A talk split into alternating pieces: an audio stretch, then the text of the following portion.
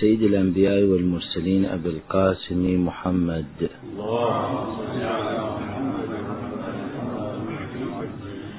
وعلى آله الطيبين الطاهرين واللعن الدائم على أعدائهم ومنكر فضائلهم من الآن إلى قيام يوم الدين. ربي أنطقني بالهدى وألهمني التقوى.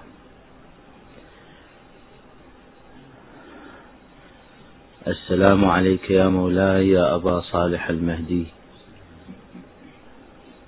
يا حجة الله في أرضه. يا عين الله في خلقه. هذا يوم الجمعة وهو يومك. ونحن فيه ضيوفك. وأنت تحب الضيافة. فأحسن ضيافتنا.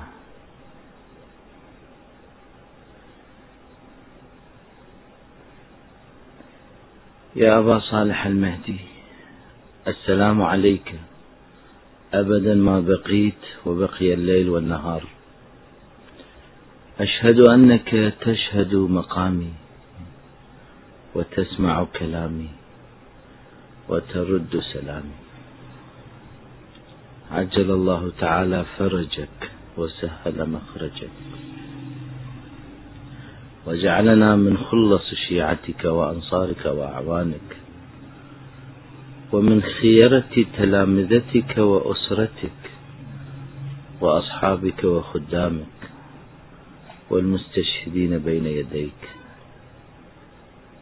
اللهم كل وليك الحجة بن الحسن. صلواتك عليه وعلى آبائه في هذه الساعة وفي كل ساعة. وليا وحافظا وقائدا وناصرا ودليلا وعينا حتى تسكنه أرضك طوعا وتمتعه فيها طويلا. برحمتك يا أرحم الراحمين. السلام عليكم أيها الإخوة الحضور ورحمة الله وبركاته.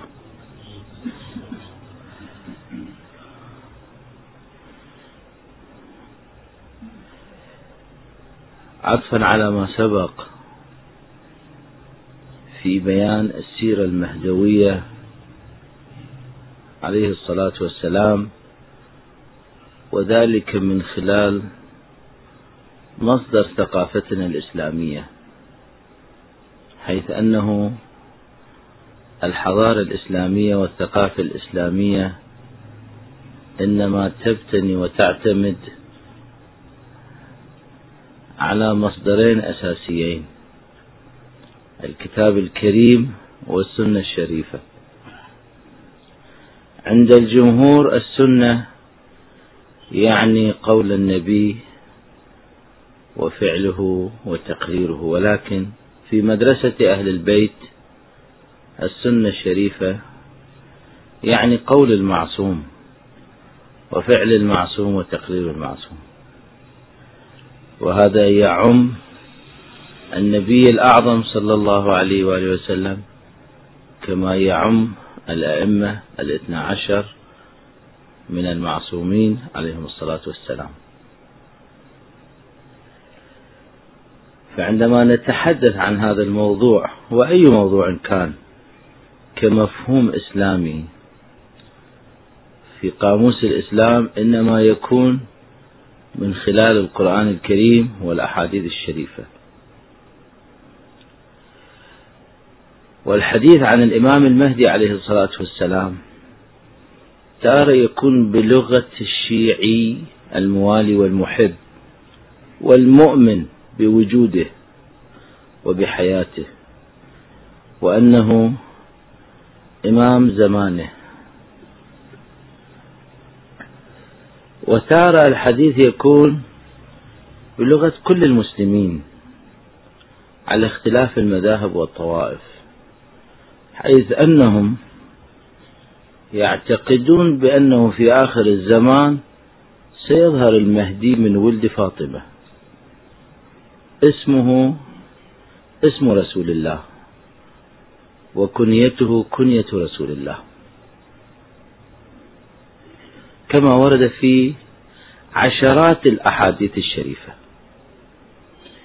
وتارة الحديث عن المصلح العالمي حيث أنه الأديان والملل النحل والملل النحل أصحاب الأديان والملل كل الشعوب على اختلاف مدارسها الفكرية والعقائدية. حتى من ينكر وجود الله سبحانه وتعالى كالشيوعيين وهذا من الأمر العجاب أنه يؤمن بأن هناك في آخر الزمان بجبر التأريخ لا بد أن يكون من مصلح يصلح العالم. فموضوع الإمام المهدي عليه الصلاة والسلام والمصلح العالمي يعد من ضروريات الدين من ضروريات المذهب من الضرورة الإنسانية حيث البشرية كلها بانتظار ذلك الموعود المنتظر. عندما نتحدث عن السيرة المهدوية هذا الحديث لا يختص بالشيعة فقط. لأنه حديث عن مستقبل. والحديث عن المستقبل بما أنه الجميع يؤمن بوجوده وبظهوره وبحتميته وضروريته. لذا سيكون مثل هذا الحديث حديثا عاما يعني لكل المسلمين على اختلاف المذاهب والطوائف كما يكون لكل البشرية. أنه سيأتي ذلك الذي تنتظره البشرية بمثل هذه السيرة إلا أنه هذه السيرة نأخذها من مدرسة أهل البيت عليهم الصلاة والسلام ومن القرآن الكريم. أردت أن أبين سعة هذا الموضوع وضرورة هذا الموضوع لأنه ورد في الأحاديث الشريفة. أنه عندما يدخل صاحب الأمر عليه الصلاة والسلام الكوفة فهناك جماعة في الحديث الشريف من البترية. البترية في الهامش في بحار الأنوار يشير إلى أنهم من الشيعة الزيدية. لكن هذا مجرد احتمال. ربما في المستقبل تكون هناك طائفة تيارا حزبا بهذا الحزب بهذا الاسم البترية. بضعة عشرة آلاف في الحديث الشريف. في الكوفة في عاصمة الإمام المهدي عليه الصلاة والسلام. طبعا أحاديث الكوفة لو أردتم أن تجمعوها ويكون التحقيق فيها ولا بأس. بما أنكم من أهل العلم والفاضل والتحقيق. تأخذوا هذا الجانب أيضا. جانب الأحاديث التي وردت عن الإمام المهدي عليه الصلاة والسلام وقضية الكوفة وما يكون في الكوفة. فمن الأحاديث أنه بضعة عشرة آلاف من المقاتلين يحملون السلاح. ويقفون في وجه الزمان عليه الصلاة والسلام ويقولون له ارجع من حيث ما أتيت. فإنه نحن في غنى عن بني فاطمة والعياذ بالله. من أهل الكوفة هكذا ورد حديث. فمثل هذا الحديث يخيف ويرعب. ويجعل الإنسان أنه يفكر ماذا سيكون في المستقبل. عند ظهور صاحب الأمر عليه الصلاة والسلام ماذا سيحدث؟ أنه طائفة من الشيعة من المحبين من الموالين يقولون بهذا المعنى.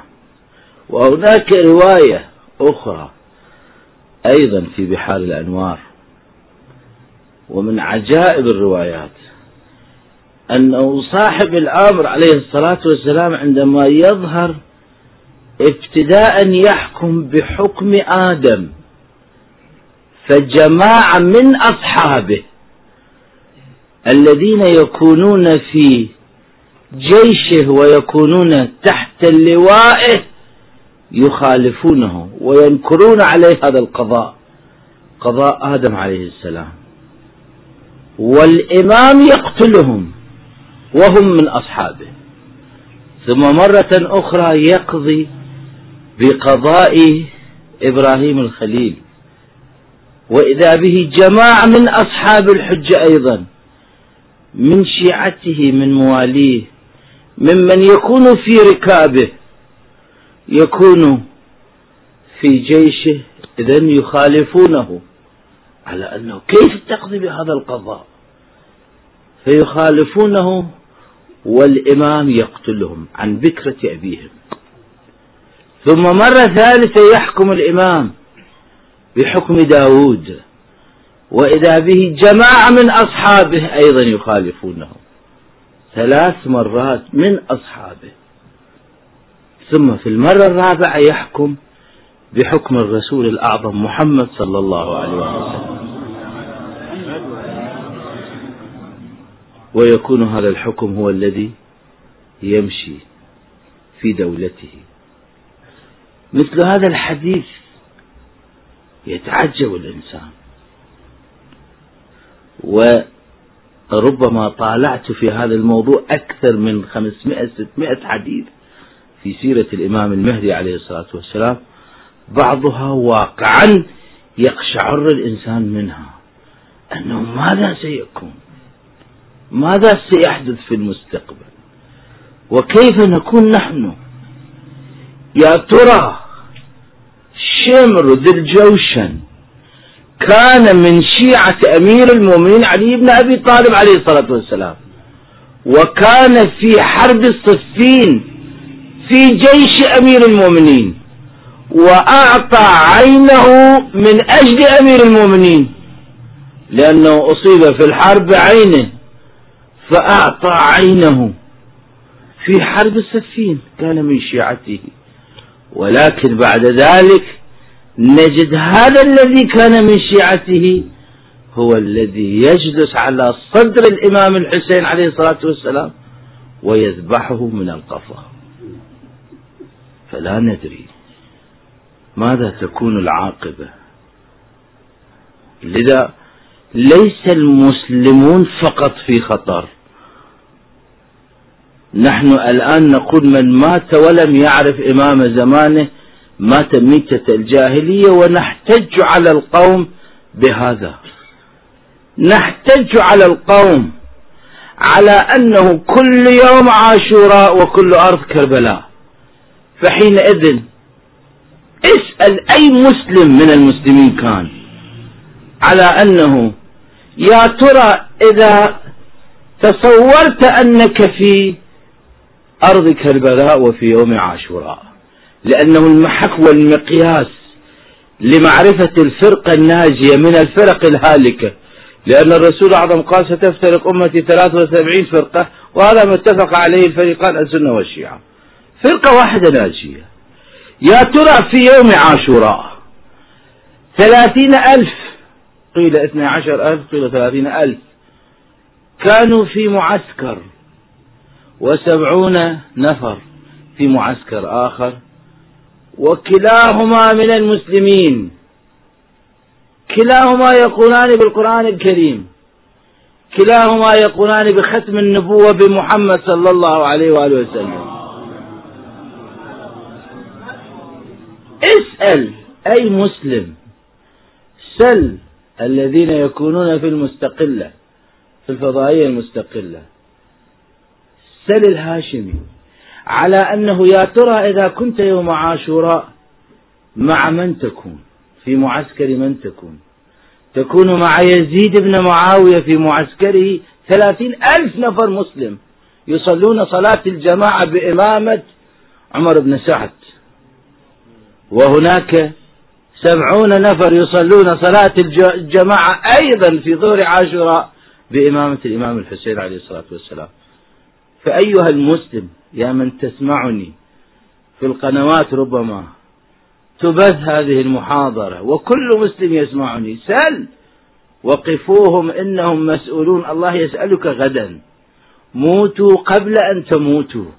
أليس هكذا ورد؟ فعلينا أن نسأل أنفسنا ونسأل كل مسلم أي مسلم من أي بلد إسلامي سعودي مصري إماراتي. أي مسلم أينما كان. سله يا مسلم عندما تريد أن تتباحث معه وتريد أن تعرف أين الحقيقة وتبحث عن الحقيقة ويبحث عن الحقيقة أيضا. سله سؤال واحد فقط. أفضل محك. سله إذا كان يوم عاشوراء وكل أرض كربلاء وكل يوم عاشوراء والآن أنت في يوم عاشوراء مع من تكون؟ صلاتك خلف من؟ خلف عمر بن سعد مع يزيد بن معاوية ومن قبله يوم السقيفة ومن بعد ومن بعده بني أمية وبني العباس وإلى يومنا هذا أولي الأمر في البلاد الإسلامية. كلهم على هذا الخط. هذا ما لا ينكر. فحينئذ أنت أيها المسلم غدا تسأل وقفوهم إنهم مسؤولون تسأل عن دينك. تسأل من إمام زمانك؟ فحينئذ تسأل أنت مع من؟ مع هذا المعسكر اليزيدي ومن قبله ومن بعده؟ أو مع معسكر الإمام الحسين؟ أنت حسيني أو أنت يزيدي؟ سل أي واحد مسلم. لا يحتاج إلى مباحثة لا يحتاج إلى إقامة أدلة وبراهين وأحاديث شريفة وماذا تقول وماذا أقول وكل واحد ينكر على الآخر. ما يحتاج أبدا ما يحتاج ما يحتاج. كل هذا ما يحتاج. سؤال واحد. وجداني مسألة وجدانية. إما أن تنكر قضية عاشوراء كما أنكر قضية الغدير عند البعض. هذا أمر آخر. تقول أصلا لا يوجد عاشوراء في التاريخ. في التاريخ الإسلامي لا يوجد مسجد عاشوراء. هذا أمر آخر. أما من يقبل قضية عاشوراء كلاهما على الحق هذا شيء مستحيل. لأنهما على طرفي نقيض. والنقيضان لا يجتمعان ولا يرتفعان. فإذا لابد أن يكون الإنسان في معسكر. من المعسكرين؟ فعندما يظهر الحج عليه الصلاة والسلام هذا المعسكر موجود. وهذا ما أريد أن أذكره في سيرته المباركة. ورد في الأحاديث الشريفة طبعا أنا من خلال 300 حديث جمعت 30 حديثا. وبودي أنه أقرأ هذه الأحاديث كلها لأنه من مجموع هذه الأحاديث ما أعتقده. الأطفال عندما عندهم لوحات تقطع صورة صورة لوحات مقطعة الصورة. فلا بد أن تضع كل قطعة في مكان حتى تكون الصورة كاملة. أحاديث أهل البيت هكذا. أحاديث أهل البيت إنما هي صور مقطعة. فلا بد أن تجمع في أي موضوع من المواضيع الذي تريد أن تبحث عنه. لابد أن تجمع كل الأحاديث في ذلك الباب. عندما تجمعها وتجعل بعضها مع بعض عند ذلك تصل إلى الصورة الحقيقية الواقعية. تصل إلى صورة واضحة مبينة وإلا تكون الصورة مشوشة. من لم يعرف من لم يكن كالطفل الذي لا يعرف كيف يصفط إن صح التعبير كيف يجعل هذه الصور بعضها مع بعض حتى يصل إلى الصورة الحقيقية. فحينئذ تجد أنه يجعل صورة رأسه مثلا إذا كان صورة إنسان رأسه من تحت ورجله من فوق وهكذا. أما إذا كان عارفا بأحاديث أهل البيت ويجمع هذه الأحاديث عند ذلك يصل إلى الصورة المطلوبة الواقعية. فقضية سيرة الإمام الحجة بن الحسن عجل الله تعالى فرجه الشريف من هذا الباب لابد الأحاديث كلها تطالع ومن ثم نستخرج ما يمكن أن نتوصل إليه. بعد التمحيص في الأخبار من حيث السند ومن حيث الدلالة. حينئذ في الأحاديث الواردة في سيرة الإمام عليه الصلاة والسلام إنما أحاديث في بداية الأمر تجدها متهافتة تجدها متضادة. فتعجب. إذ أنه في بعض الأحاديث كما سأقرأ تجد أنه يشير الإمام عليه الصلاة والسلام إلى أن سيرة الإمام المهدي في آخر الزمان إنما هو سيرة جده رسول الله. يعني يسير بسيرة جده ويعمل بعمله. وفي حديث آخر يذكر هذا المعنى على أنه لا يسير بسيرة رسول الله. فتعجب. فحينئذ لا بد من الجمع بين هذه الروايات كما في الفقه عندنا إذا وردت الروايات المتعارضة لا بد من الجمع كذلك في مثل هذه المباحث. في رواية تجد أنه يشير الإمام على أنه سيرة الإمام المهدي إنما سيرة جده أمير المؤمنين علي بن أبي طالب. وفي رواية أخرى ينكر ذلك على أنه لا يسير بسيرة جده. لأنه أمير المؤمنين إنما كان يعمل بالجفر الأبيض والحج عليه الصلاة والسلام يعمل بالجفر الأحمر. ما معنى ذلك؟ هذا ما يأتينا. فتجد الروايات متعارضة في بداية الأمر. فلا بد حينئذ من الدقة والتحقيق وأن نصل إلى ما هو الواقع من خلال جمع هذه الروايات ومن خلال الشواهد التي توجد على هذا الجمع من نفس الروايات لأن الجمع بين الأحاديث لا بد له من شاهد شاهد عقلي كما في الفقه إذا كانت هناك أخبار متعارضة ونريد أن نجمع بين الروايات المتعارضة كالاستبصار الشيخ آه الاستبصار أراد الشيخ أن يجمع بين الروايات المتعارضة ويستنتج منها ما يكون فيه الجمع موافقا. وعليه شاهدا من الكتاب أو السنة أو العاقل أو الفطرة الموحدة. فحينئذ نأخذ بذلك الجمع الموافق والذي عليه الشاهد. كذلك في هذه الروايات المتعارضة. فلا بد حينئذ أن ندرس دراسة تحقيقية في مثل هذه الروايات الواردة في مثل هذا الموضوع الشائك هذا الموضوع المخيف. هذا الموضوع الذي يتحدث عن المستقبل الذي كلنا في انتظاره وإنه أفضل أعمال أمتي انتظار الفرج. كلنا ننتظر أي شيء ننتظره أي دولة وأي سيرة مهدوية ننتظرها. فلا بد أن نطلع عليها. وإلا هناك من يقول ارجع يا ابن رسول الله من حيث ما جئت. فإنه لا حاجة لنا ببني فاطمة والعياذ بالله. أذكر مقدمة الفرق بين السيرة النبوية والسيرة العلوية. في نقطتين أساسيتين. النقطة الأولى المقاتلة القتال النبوي والقتال العلوي. والنقطة الثانية الحكومة والقضاء القضاء النبوي والقضاء العلوي. إذا وقفنا على هاتين النقطتين حينئذ سنقف على السيرة المهدوية. الرسول الأعظم خلال ثلاث وعشرين سنة أو بالأحرى خلال عشر سنوات في المدينة المنورة كانت غزواته وسراياه والغزوة يعني ما يشترك فيه والسرية ما يبعث شخصا نيابة عنه جمعت الغزوات والسرايا فكانت ثلاث وثمانين غزوة وسرية في عصر النبي الأكرم. يعني كان النبي يقاتل يحارب. من يحارب ومن يقاتل؟ وعلى يقاتل. أولا يقاتل الكفار والمشركين من قريش ومن غيرهم. يعني المقاتلة كانت مع الكفار ومع المشركين وعبادة وعبدة الأصنام وغير ذلك. ثانيا يقاتل على تنزيل القرآن على نزول القرآن. يعني كان يدعو الكفار ويدعو المشركين إلى الإيمان بالله سبحانه وتعالى وباليوم الآخر وبالقرآن الكريم.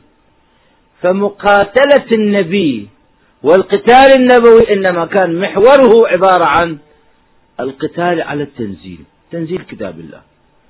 ولكن أمير المؤمنين عليه الصلاة والسلام من بعد رسول الله وإلى يوم شهادته أربعين من الهجرة كان قتاله إنما هو على التأويل للقرآن الكريم وكان قتاله مع المسلمين المنافقين وليس مع الكفار والمشركين.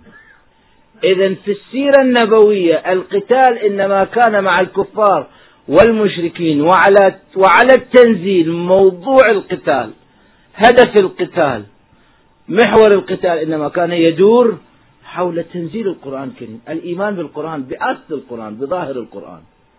ولكن أمير المؤمنين قاتل وشارك في قتال المارقين والقاسطين والناكثين على تأويل القرآن الكريم على باطن القرآن الكريم وليس على ظاهره. وإلا في الظاهر إنما كان الكل يقولون حسبنا كتاب الله كما قال الرجل يوم الخميس يوم الرزية.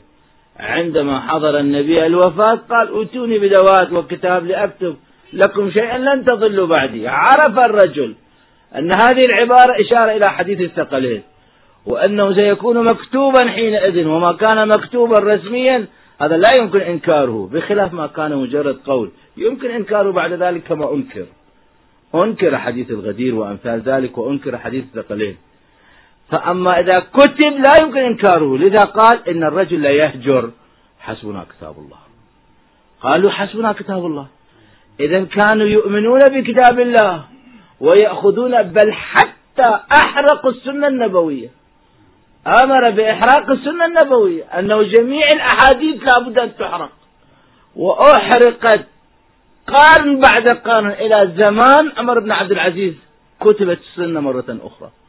وإلا لم تكن سنة نبوية. السنة النبوية إنما دونت في زمن عمر بن عبد العزيز ومن بعده. فإذا حسبنا كتاب الله كان موجود بين القوم. فعلي بن أبي طالب عليه الصلاة والسلام أمير المؤمنين على ما قتل وما هو القتال الذي شارك فيه أمير المؤمنين؟ إنما كان على تأويل القرآن وليس على تنزيله.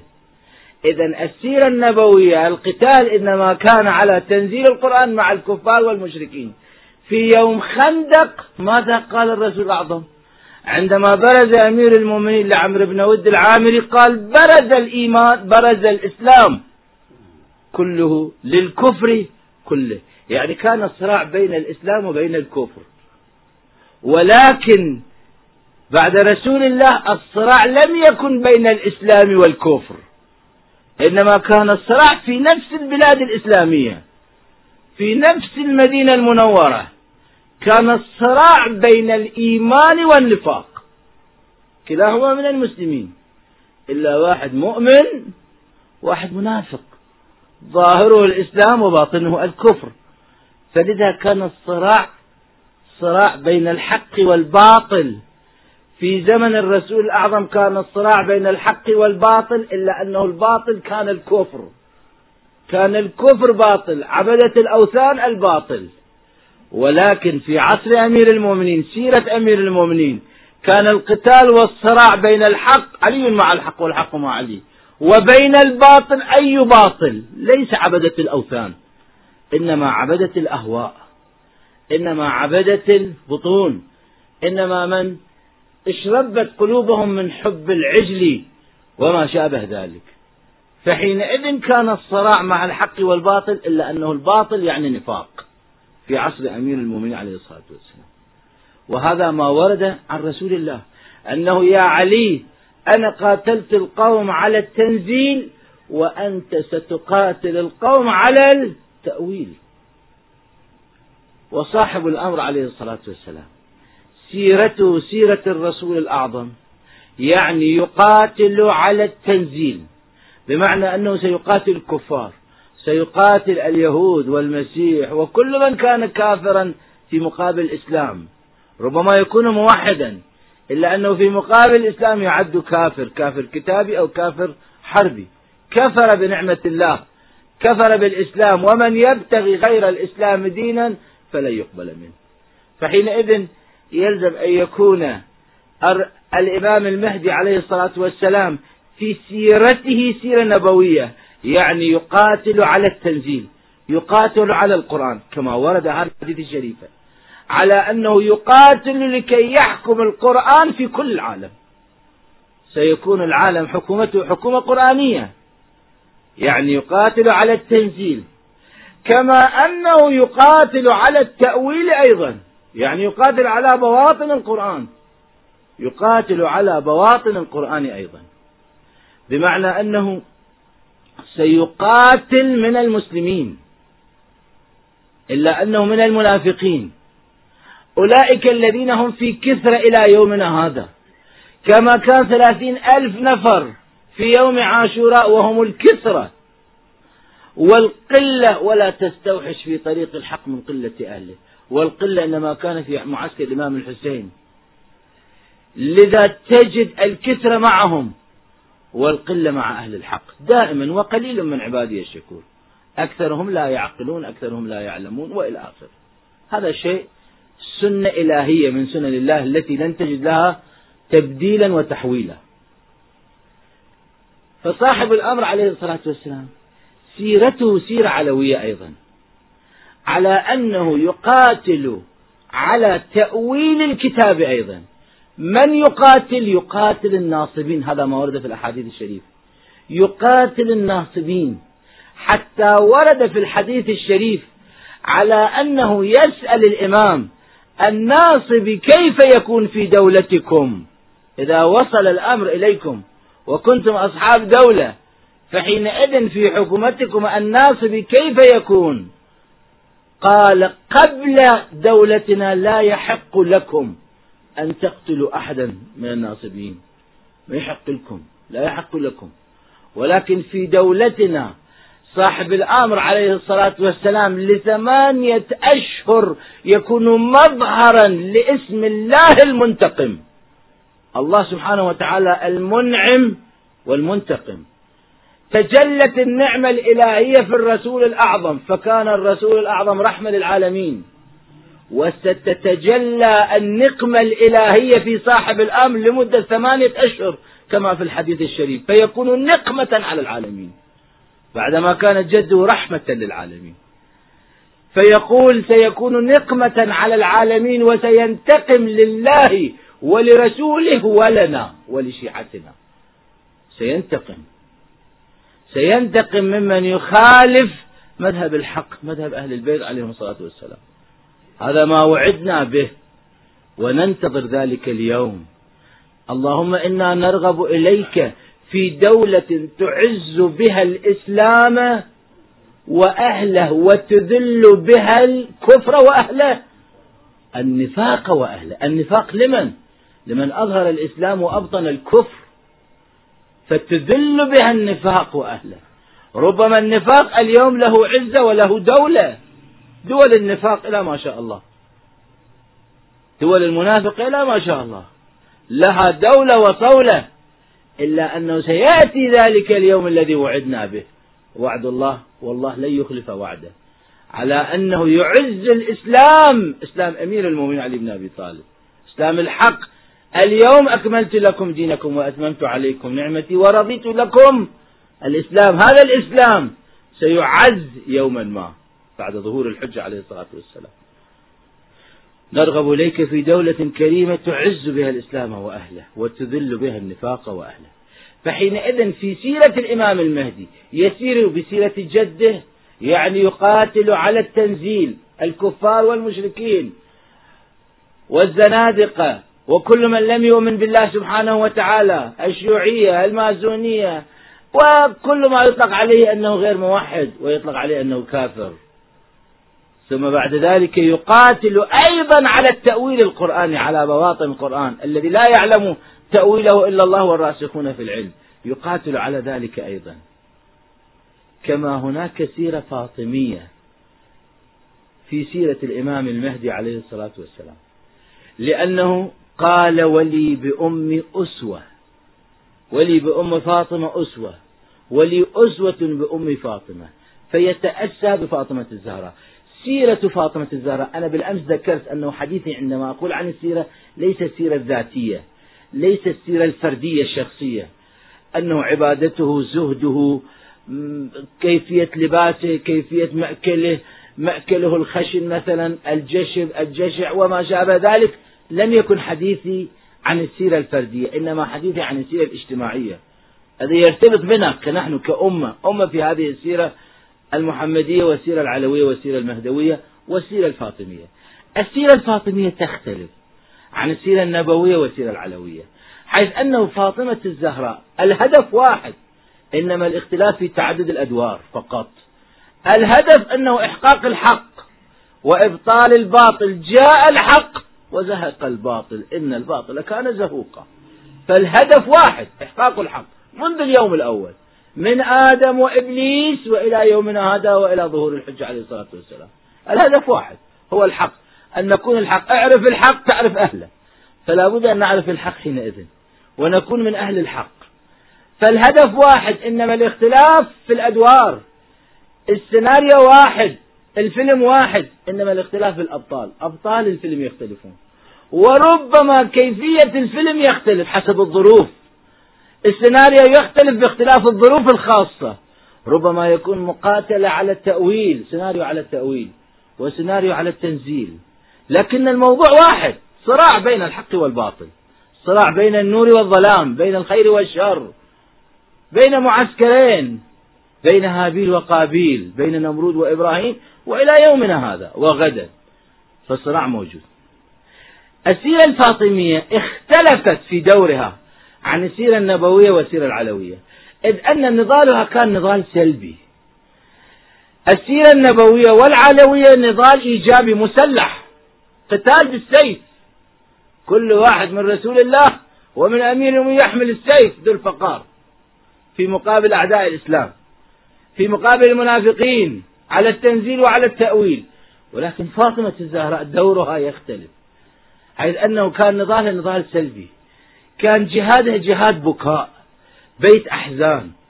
تحارب الظالمين. تحارب الباطل. تحارب الطغاة والجبابرة. الجبد والطاغوت. تحاربهما. إلا أنه محاربة سلبية. صاحب الأمر عليه الصلاة والسلام ولي بأمه فاطمة أسوة أيضا ينهج هذا المنهج في بعض الظروف. يعني صاحب الأمر عندما يظهر هذا ما أستخرجه من الروايات الشريفة وسأقرأ لكم مجموعة من هذه الروايات. عندما يظهر تجده تارة يعمل ويسير على سيرة جده رسول الله. وتارة على سيرة أمير المؤمنين. وتارة في ظروف خاصة مع جماعة خاصة في مصر خاص في عصر خاص مع مع أناس خاصين. وإذا به تختلف السيرة يكون نضاله نضال سلبي ليس نضالا إيجابيا. تختلف. فحينئذ المثلث في سيرة الإمام المهدي عليه الصلاة والسلام ذات الأضلاع الثلاث المتساوية الضلع الأيمن القائم هو الضلع النبوي والأيسر الضلع العلوي والقاعدة إنما تكون فاطمة الزهراء. هي التي تجمع بين النورين النور النبوي والنور العلوي. تجمع بين العصمتين عصمة الله الكبرى العصمة النبوية والعصمة العلوية. فحينئذ يبقى علينا أن نقرأ هذه الروايات وكيف نستنتج هذه المعاني من هذه الروايات. كيف نستنبط هذه المعاني من هذه الروايات الشريفة بعد الصلاة على محمد وآل محمد. لنا آيات كثيرة. المحجة فيما نزل في الحجة للسيد البحراني سيد هاشم البحراني رحمة الله عليه. هذا الكتاب كتاب قيم. يذكر 120 آية على ما في بالي في ما نزل في الحجة عليه الصلاة والسلام. وهناك بحار الأنوار كتب الروائية منتخب الأثر تذكر هذه الآيات الشريفة. فأنا أذكر لكم ست آيات. بالأمس قرأت بعضها وبقيت بعض الآخر. قال سبحانه وتعالى وعد الله الذين آمنوا منكم وعملوا الصالحات ليستخلفنهم في الأرض كما استخلف الذين من قبلهم. عن الإمام الصادق عليه الصلاة والسلام قال القائم وأصحابه يعني نزلت هذه الآية في تأويلها طبعا لا في تفسيرها. في تأويلها نزلت في الحج عليه الصلاة والسلام وفي أصحابه. الغيبة للنعماني صفحة 128 قال تعالى الذين إن مكناهم في الأرض أقاموا الصلاة وآتوا الزكاة وأمروا بالمعروف ونهوا عن المنكر ولله عاقبة الأمور. الحج 41 عن الإمام الباقر عليه الصلاة والسلام قال هذه الآية نزلت في المهدي وأصحابه يملكهم, يملكهم الله مشارق الأرض ومغاربها ويظهر الله بهم الدين حتى لا يرى أثر من الظلم والبدع. لا ظلم ولا بدعة في المهدي عليه الصلاة والسلام. قال تعالى ونريد أن نمن على الذين استضعفوا في الأرض ونجعلهم أئمة ونجعلهم الوارثين. القصص آية خمسة. عن أمير المؤمنين علي عليه الصلاة والسلام قال هم آل محمد. يبعث الله مهديهم بعد جهدهم فيعزهم ويذل عدوهم. البحار المجلد الثالث عشر القديم طبعا صفحة ستة عشر.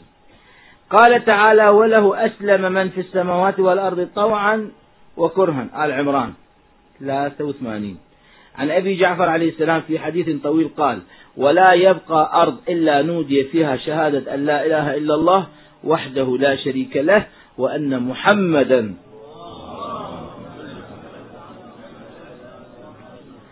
رسول رسول الله رسول الله صلى الله عليه وآله وهو قوله وله أسلم من في السماوات والأرض. وعن رفاعة ابن موسى قال سمعت جعفر الصادق رضي الله عنه يقول في قوله تعالى من سورة آل عمران وله أسلم من في السماوات والأرض. قال إذا قام القائم المهدي لا يبقى أرض إلا نودي فيها بشهادة أن لا إله إلا الله وأن محمدا رسول الله صلى الله عليه وآله. ينابيع المودة 421 صفحة. هذه جملة من الآيات الشريفة. طبعا وردت في الأحاديث أنه دولة الإمام المهدي ستكون آخر الدول. من قبل هناك أحزاب فئات أسر أسر ملوكية غير ملوكية تحكم البلاد. ثم بعد ذلك آخر دولة إنما تكون دولة الإمام المهدي عليه الصلاة والسلام. لماذا؟ قال الإمام أبو جعفر الباقر عليه السلام إن دولتنا آخر الدول ولن يبقى أهل بيت يعني أسر أسر ملوكية مثلا لن يبقى أهل بيت لهم دولة إلا ملكوا قبلنا لئلا يقول إذا رأوا سيرتنا. سيرة الإمام المهدي سيرة الرسول سيرة الأئمة عليهم الصلاة والسلام بلا فرق إلا أن الظروف والأدوار تختلف وإلا الهدف واحد. إذا ملكنا سرنا مثل سيرة هؤلاء. وهو قول الله عز وجل والعاقبة للمتقين. قال الإمام الصادق عليه الصلاة والسلام ما يكون هذا الأمر حتى لا يبقى صنف من الناس. في الحديث الأول قال لن يبقى أهل بيت. إشارة إلى الأسر أسرة حاكمة. وهنا قال صنف من الناس. لا يبقى صنف من الناس أصناف مختلفة. صنف الأغنياء تارة تحكم تارة صنف العمال يحكمون. صار صنف الفقراء يحكمون. صار صنف العلماء يحكمون أيضا. لا تقف. قل ترى العلماء الحوزويون أيضا يحكمون. إلا أنه سأفسر هذا المعنى حتى لا يبقى صنف من الناس. إلا ولوا على الناس تولوا على الناس حتى لا يقولوا إنا لو ولينا لعدلنا. لو كان الأمر لنا لعدلنا بين الناس ثم يقوم القائم بالحق والعادل. البحار صفحة 168 طبعا المجلد الثالث عشر. الفرق بين صنف العلماء عندما يحكمون كما الآن نحن نعيش في حكومة العلماء في حكومة المراجع في حكومة المرجعية في حكومة الجمهورية الإسلامية. صنف من الناس حكموا قبل ظهور الحجة عليه الصلاة والسلام. نحن نعتقد أننا من الموطئين أولا. من الممهدين. يعني بوجود بركة هذه الجمهورية الآن تجد هذه المباحث هذه البحوث التي تتعلق بظهور صاحب الأمر. قبل أن تكون الثورة الإسلامية كان الإمام المهدي بين الناس. ذكر الإمام المهدي بين الناس ولكن لم يكن بمثل هذا الانتشار في مثل هذا يومنا هذا وبعد انتصار الثورة. إذا نحن إنما نريد من خلال هذه الثورة ومن خلال هذه الحكومة المباركة إن شاء الله بلطف من صاحب الزمان. صاحب هذه الحكومة صاحب الزمان إن شاء الله. نريد أن نمهد الطريق إن شاء الله. ونريد أن نحكم بالعدل. واقعا الآن مثلا السيد الخامنئي حفظه الله. واقعا في نفسه يريد أن يحكم بالعدل.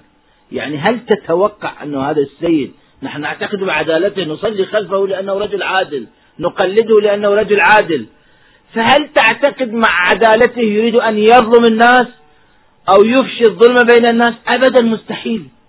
كل واحد منا يريد حكومة العدل الآن. إلا أنه الاستعمار إلا أنه أمريكا بريطانيا الكفر ملة واحدة لا يريدون ذلك للثورة الإسلامية والحكومة الإسلامية. أن تحكم بالعدل بين الناس. لذا تجد العراقيل يوما بعد يوم هاي قضية النووي الآن إنما هو عرقل لكي يحجموا. دائرة هذا دائرة هذه الثورة وهذه الحكومة. فنحن إذا إذا حكمنا صنف من الناس إنما أردنا بهذه الحكومة يعني السيد الإمام رحمة الله عليه كلماته وصحيفة النور موجود أكثر من ثلاثين مجلد. كلماته كلها تدور أنه هذه الحكومة حكومة إلهية. نحن أردنا أن نحكم بحكم الله سبحانه وتعالى بحكم القرآن بحكم أهل البيت عليهم الصلاة والسلام. أردنا أن نحكم بهذا الحكم. إلا أنه الكفر يمنعنا عن ذلك. وهذا هو الفرق. أنه الآن هناك بيعة للظالمين علينا. ولكن عند ظهور صاحب الأمر عليه الصلاة والسلام لا تكون بيعة في رقبته للظالمين. لذا من سبب غيبته كما ورد في الأحاديث الشريفة أنه من سبب غيبته حتى لا تكون بيعة في عنقه للظالمين. كما كان للأئمة عليهم الصلاة من قبل. الأئمة عليهم الصلاة من قبل كان في أعناقهم بيعة الظالمين.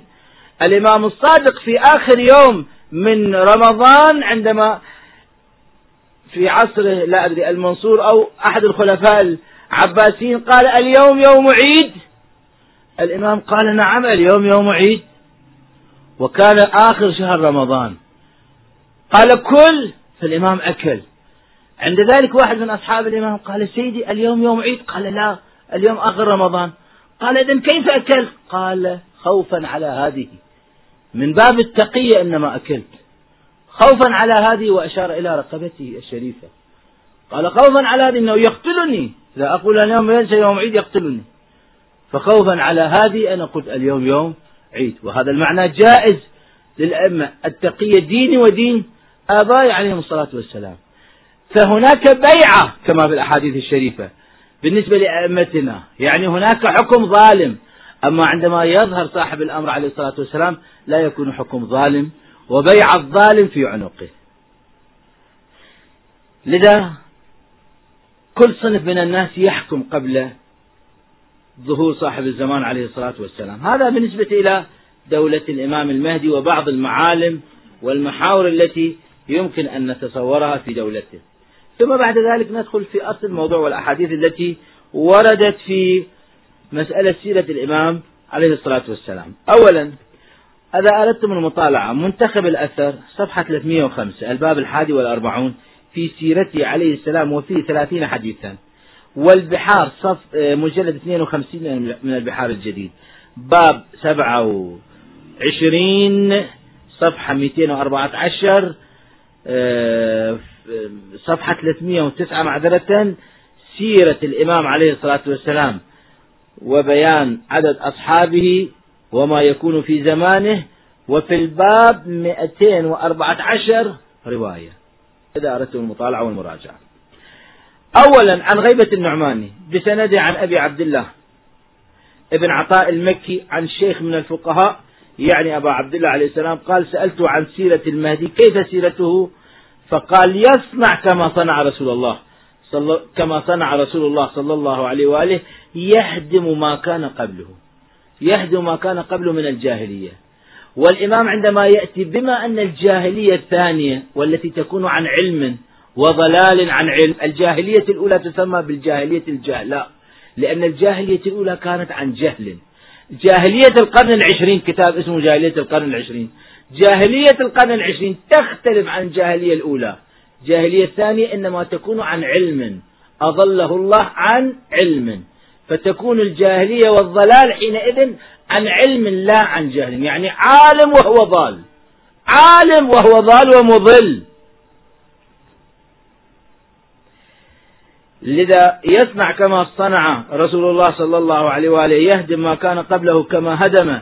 رسول الله أمر الجاهلية ويستأنف الإسلام جديدا. لذا يأتي بدين جديد لا يعني أنه يأتي بدين غير دين إسلامي. لا نفس الدين الإسلامي.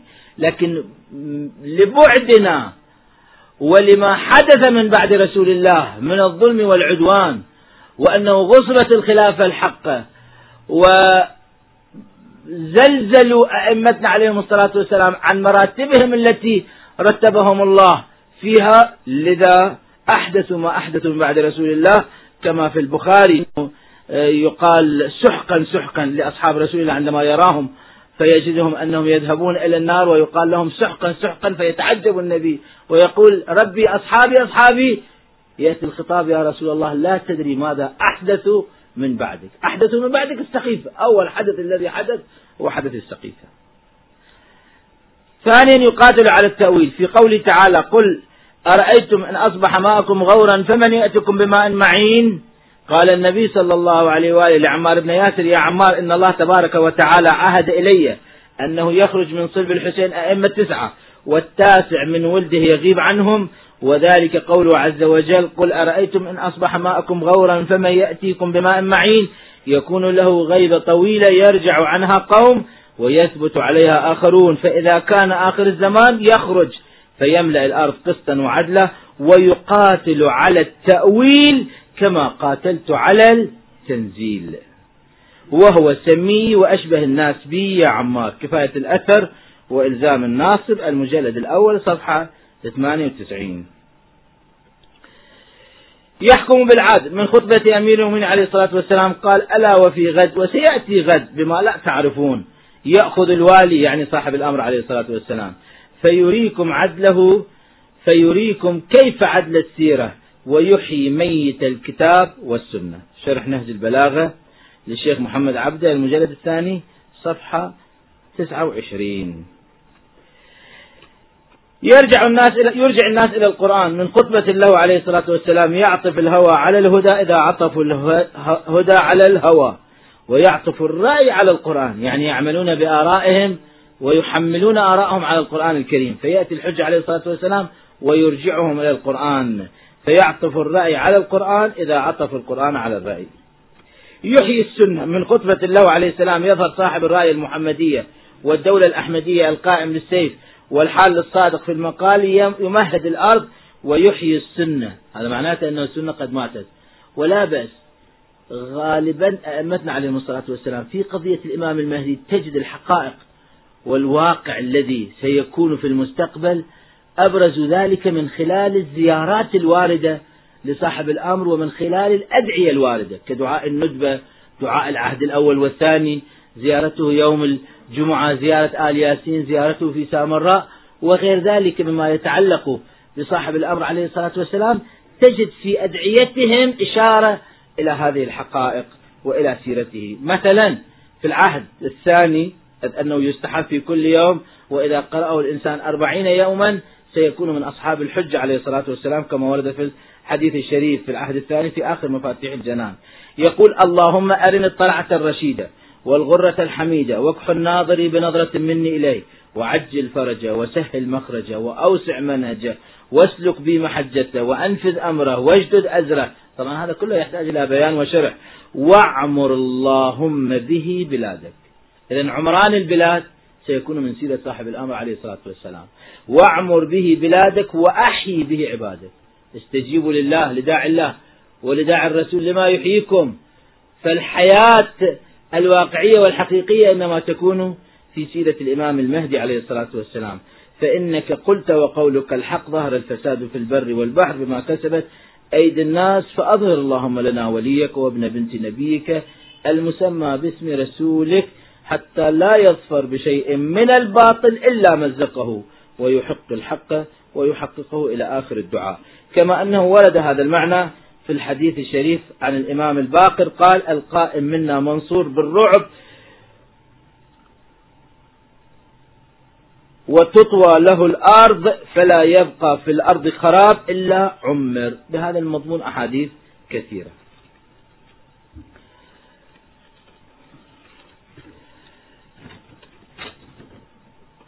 يملأ الأرض قسطا وعدلا. إلى ما شاء الله من هذه الأحاديث. قال رسول الله أبشروا بالمهدي عليه السلام. رجلا من قريش من عترتي يخرج في اختلاف من الناس وزلزال يملأ الأرض عدلا وقسطا كما ملأت ظلما وجورا. يرضى عنه ساكن الأرض والسماء ويقسم المال صحاحا بالسوية. هذا من سيرته أنه يقسم المال صحاحا بالسوية. ويملأ قلوب أمة محمد غنى يعني من الناحية النفسية من الناحية الأخلاقية يكون أصحاب غنى غنى النفسي فيملأ قلوب أمة محمد غنى ويسعهم عدله حتى أنه يأمر مناديا فينادي من له حاجة إلي؟ فما يأتي أحد إلا رجل واحد من كل أمة النبي. رجل واحد يأتي فيسأله فيقول له ائت السادن؟ يعني وزير المالية. السادن آه، الذي يخزن المال. السادن حتى يعطيك فيأتي فيقول أنا رسول المهدي إليك لتعطيني مالا. فيقول احث أي خذ بلا عد. فيحثي ما لا يستطيع أن يحمله فيلقى فيلقي حتى يكون قدر ما يستطيع أن يحمل فيخرج به فيندم. فيقول أنا كنت أجد أشجع أمة محمد يعني أكثر طمعا من أمة محمد نفسا. كلهم دعي إلى هذا المال. فتركه غيري فيرد عليه فيقول إنا لا نقبل شيئا أعطيناه. الصواعق المحرقة صفحة 99 ومسند أحمد المجلد الثالث صفحة 37 ومنتخب كنز العمال المجلد السادس صفحة 29 يميت الباطل والبدع ويأمر بالمعروف وينهى عن المنكر رواية في ذلك يحكم بحكم داود. هذه النقطة الثانية. النقطة الأولى أنه يقاتل على التأويل والتنزيل فله سيرة النبي وسيرة الولي. ثم بعد ذلك يحكم بحكم رسول الله كما يحكم بحكم أمير المؤمنين. وهناك فرق بين الحكمين حيث أنه الرسول الأعظم إنما يحكم بالبينة والأيمان كما قال إنما أقضي بينكم بالبينة والأيمان يعني لا يعمل بعلمه. إنما أقضي بينكم بالبينة والأيمان. لذا عندما اتهمت المرأة ماريا القبطية بولدها على أنه من ذلك الرجل القبطي أمر أمير المؤمنين أنه يقتل ذلك القبطي. قال أثبت على قتله قال أثبت إن ثبت لك ذلك. فجاء ففر هذا القبطي حتى صعد. النخلة فبانت عورته وبان أنه ليس عنده شيء مما عند الرجال. فرجع على رسول الله قال يا رسول الله هذا الرجل الذي اتهم لم يكن عنده شيء مما عنده الرجال. فقال الحمد لله الذي طهرنا أهل البيت عليهم الصلاة والسلام. فكان يحكم بظاهر الأمر الرسول الأعظم. يعلم بما هو في الواقع ولكن مأمور بأنه يحكم بينكم بالبينة والأيمان. ولكن أمير المؤمنين في قضاواته المحيرة العقول كما كتبه المحقق الشيخ محمد تقي الششتري رحمة الله عليه في كتاب القضاء قضاء أمير المؤمنين تجد أنه يحكم بعلمه لا بالبينة. يحكم بحكم داود يحكم بحكم سليمان. لأنه سليمان وداود إنما كان يحكمان بعلمهما لا بالبينة. لذا ورد هذا المعنى الشريف في الأحاديث الشريفة. قال أبو عبد الله الصادق عليه السلام إذا قام القائم حكم بالعادل وارتفع في أيامه الجور وأمنت به السبل وأخرجت الأرض بركاتها ورد كل حق إلى أهله ولم يبق أهل دين حتى يظهر الإسلام ويعترفوا بالإيمان بأمير المؤمنين عليه الصلاة والسلام. أما سمعت الله يقول وله أسلم من في السماوات والأرض طوعا وكرها وإليه يرجعون. وحكم بين الناس بحكم داود عليه السلام وحكم محمد صلى الله عليه وآله وسلم. يبدو لي أنه قدم حكم داود إذ أنه يعمل بعلمه أولا ثم بعد ذلك يعمل بالبينة والأيمان. يعني الحجة عليه الصلاة والسلام أولا يعمل بعلمه ثم بعد ذلك يأخذ بالنواصي والأقدام في الحديث الشريف قال أنه يأخذ الكفار والنواصب والمخالفين بالنواصي والأقدام بسيماهم يعرف المجرمون بسيماهم فيؤخذ بالأقدام والنواصي فيأخذهم حينئذ ويضربهم بخبط السيف خبطا يعني يخبطهم خبط خبط السيف خطبا أي يضربهم بضربة شديدة بالسيف كما ورد في الحديث الشريف. ينتقم من أعداء الله وأعداء الرسول والأئمة عليهم الصلاة والسلام في ذلك أحاديث كثيرة. عن أمير المؤمنين قال لأقتلن أنا وإبناي هذان وليبعثن الله رجلا مني في آخر الزمان يطالب بدمائنا وليغيبن عنهم تمييزا لأهل الضلالة حتى يقول الجاهل ما لله في آل محمد من حاجة. إنه يقوم بالسيف. اسمعوا إلى هذه الرواية. عن زرار عن أبي جعفر محمد الباقر عليه السلام قال قلت له صالح من الصالحين سماه لي. أريد القائم عليه السلام. فقال اسمه اسمي. اسم الباقر محمد. اسمه اسمي. قلت أيسير بسيرة محمد صلى الله عليه وآله؟ قال هيهات. لا ما يسير بسيرة النبي. هنا إنكار. في الحديث الأول قال يسير بسيرة جده بسيرة الرسول الأعظم. هنا قال هيهات يا زرارة. ما يسير بسيرته قلت جعلت فداك لما؟ قال إن رسول الله سار في أمته باللين بالمن. وكان يتألف الناس يؤلف بين الناس يقرب بين الناس. كان يجلس مع الأول والثاني كما يجلس مع أمير المؤمنين. يجلس مع الكل ويحتضن الكل. أخلاقه هكذا.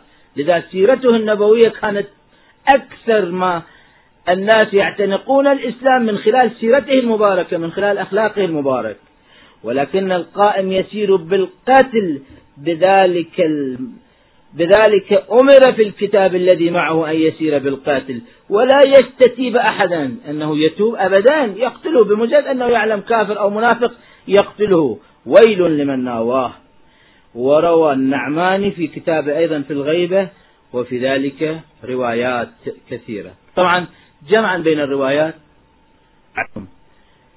جمعا بين الروايات روايات كثيرة في هذا الباب وفي كيفية السيرة وما يتعلق بالسيرة المهدوية يحتاج إلى آه، جلسة أخرى. لكن هنا أقول باختصار أنه التضاد والتناقض يشترط فيه كما في علم المنطق الوحدات الثمانية. هذا معروف. يعني عندما نقول زيد قائم زيد ليس بقائم. إنما يكون بينهما بين القولين تناقض وتضاد إذا كانت هناك وحدات ثمانية وحدة موضوع أنه هذا موضوعه زيد وهذا موضوعه زيد. وحدة محمول أنه هذا قائم وهذا ليس بقائم فمحمول. وحدة الكل والجزء وحدة الفعل وال وحدة الكل والجزء وحدة القوة والفعل وحدة الجهة. أنه لابد أن تكون من جهة واحدة. أنه زيد قائم من جهة وليس بقائم من نفس ذلك الجهة. عند ذلك يكون بين القولين تضاد. وإلا إذا كان زيد قائم من جهة أنه في النهار وليس بقائم من جهة أنه في الليل حينئذ لا يكون بين بين القولين تضاد لأنه من جهتين. فما قيل في الروايات جمعا بين هذه الروايات أنه تار يسير بسيرة رسول الله وأخرى لا يسير بسيرة رسول الله يقال هذا تضاد وتهافت لا. إنما يكون من جهتين. من جهة أنه خلال ثمانية أشهر يكون مظهرا للانتقام لله سبحانه وتعالى. الله هو المنتقم وهذا الانتقام الإلهي يتجلى في صاحب الأمر لذا ينتقم من الكفار من المشركين من الناصبين من المخالفين من المنافقين على التأويل على التنزيل. يحكم بحكم داود بحكم سليمان بحكم النبي يسير بسيرة فاطمة الزهراء. كل هذا إنما يكون خلال هذه الأيام خلال هذه الأشهر. ثم بعد ذلك تكون دولة الحق دولة الإمام المهدي عليه الصلاة والسلام وما أعظم تلك الدولة. يكون رحمة للعالمين كما كان جده رحمة للعالمين. إذا هو رحمة وهو النقمة هو نعمة هو نقمة إلا أنه من جهتين إلا أنه في ظرفين إلا أنه في وقتين. فلا تضاد حينئذ في هذه الروايات وهناك روايات عديدة وكثيرة أذكر في آخر الخبر إذا تمنى عن أبي عبد الله عليه السلام قال إذا تمنى أحدكم القائم فلا يتمنه إلا في عافية. أن أرزقني رؤية القائم سيرة القائم دولة القائم في عافية. فإن الله بعث محمدا صلى الله عليه وآله الرحمة ويبعث القائم نقمة. عن أبي بصير في حديث عن الصادق في سؤال عن النواصب قال قلت فمن نصب لكم العداوة فقال يا أبا محمد ما لمن خالفنا في دولتنا من نصيب من يخالفنا؟ المخالفون في دولة الإمام المهدي ليس لهم نصيب. إن الله قد أحل لنا دماءهم لكن متى أحل لنا دماءهم؟ يا مؤمنون يا مسلمون متى أحل دماء هؤلاء المخالفين لأهل البيت؟ إنما أحل لنا دماءهم عند قيام قائمنا. فاليوم اليوم محرم علينا. في زمن الغيبة الكبرى محرم علينا. فاليوم محرم علينا وعليكم. فلا يغرنك أحد. إذا قام قائمنا انتقم, انتقم لله ولرسوله ولنا أجمعين. وعن أبي عبد الله عليه السلام قال أول ما يظهر القائم من العدل أن ينادي مناديه أن يسلم صاحب النافلة لصاحب الفريضة الحجر الأسود والطواف في الكافي المجلد الرابع 427 والأخبار في هذا الباب كثيرة كما ذكرت لكم. أسأل الله سبحانه وتعالى أن يرزقنا دولة الإمام المهدي في عافية إن شاء الله. أقول قولي هذا وأستغفر الله لي ولكم والسلام عليكم ورحمة الله وبركاته.